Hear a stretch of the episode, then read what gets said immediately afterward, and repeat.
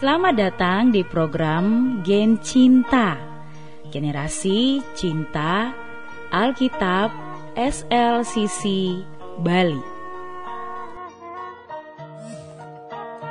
Apakah Anda mendengarkan Allah? Mereka berkata kepada Musa, Engkaulah berbicara dengan kami, maka kami akan mendengarkan.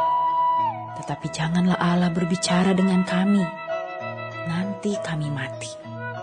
Keluaran 20 ayat 19 Kita tidak dengan sadar mengingkari Allah, hanya karena kita tidak memperhatikan dia.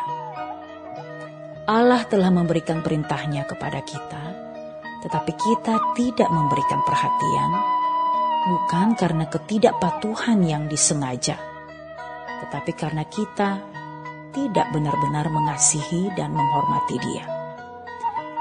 Jikalau kamu mengasihi Aku, kamu akan menuruti segala perintahku. Yohanes 14 ayat 15 Ketika kita menyadari bahwa kita telah terus-menerus menunjukkan rasa tidak hormat kepada Allah, kita akan dipenuhi rasa malu dan terhina karena mengabaikan Dia. Engkaulah berbicara dengan kami, tetapi janganlah Allah berbicara dengan kami. Kita menunjukkan betapa kurangnya kasih kita kepada Allah dengan lebih suka mendengarkan suara para hambanya daripada mendengarkan dia sendiri. Kita suka mendengarkan kesaksian-kesaksian pribadi, tetapi kita enggan mendengar Allah sendiri berbicara kepada kita. Mengapa kita begitu takut bila Allah berbicara kepada kita? Karena kita tahu, apabila Allah berbicara, kita harus melakukan hal yang diperintahkannya, atau kita harus mengatakan kepadanya bahwa kita tidak mau taat. Namun, jika sekiranya hanya seorang hamba Allah yang berbicara kepada kita, kita merasa bahwa kepatuhan merupakan pilihan, bukan keharusan. Kita menanggapinya dengan berkata, "Wah, itu hanya gagasanmu sendiri. Walaupun aku tidak menyangka bahwa ucapanmu itu barangkali adalah kebenaran Allah. Adakah saya selalu merendahkan Allah dengan tidak mengindahkannya? Sedangkan dia dengan kasihnya terus-menerus memperlakukan saya sebagai anaknya.